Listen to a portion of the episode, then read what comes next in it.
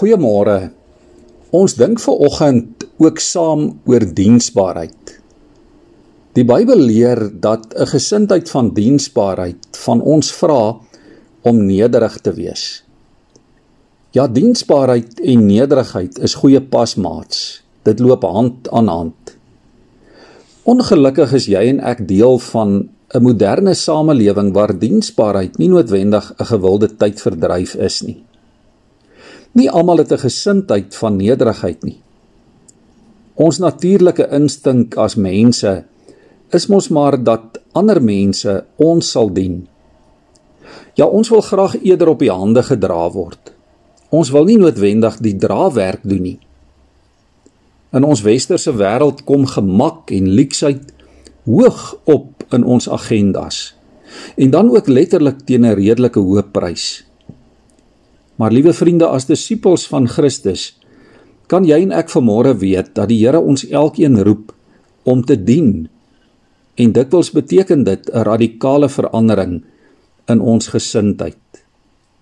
Die woord van God sê: As ons ons lewens aan die Here oorgee, dan behoort ons nie meer aan onsself nie. Ons behoort nou aan Hom wat ons gered het. Sy belange word nou ons belange. Sy manier van dinge doen word nou ons manier. Sy gesindheid en ingesteldheid word nou deel van ons lewe. En ons weet ook die woord sê Jesus was self die dienskneg by uitnemendheid. Ja die Here Jesus is ons voorbeeld wat ons roep om hom na te volg. Christen wees is 'n aktiewe geloof van diens aan ander.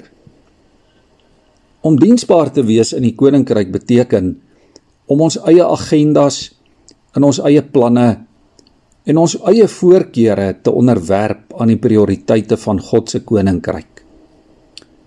Dit is ook om die gawes en die talente en die vermoëns waarmee God jou seën tot sy eer te gebruik.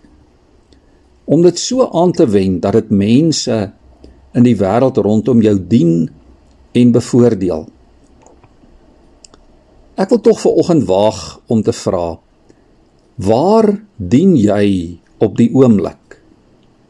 Waar is jy aktief betrokke om Jesus se voorbeeld van hulp en diens en medelee uit te leef?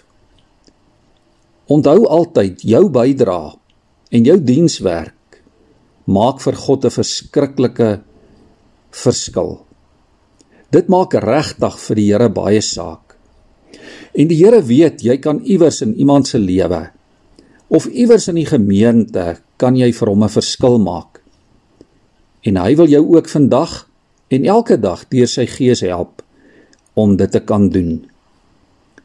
In Efesiërs 4 vers 7 lees ons: Aan elkeen van ons is 'n genadegawe gegee volgens die mate waarin Christus die gawes uitgedeel het. Ja, hy het nie een van ons, ook nie vir jou oorgeslaan nie. Efesiërs 2 vers 10 sê God het ons gemaak wat ons nou is. In Christus het hy ons elkeen geskep om ons lewe te wy aan die goeie dade waarvoor hy ons bestem het. Kom ons buig ons hoofde so saam in gebed voor die Here.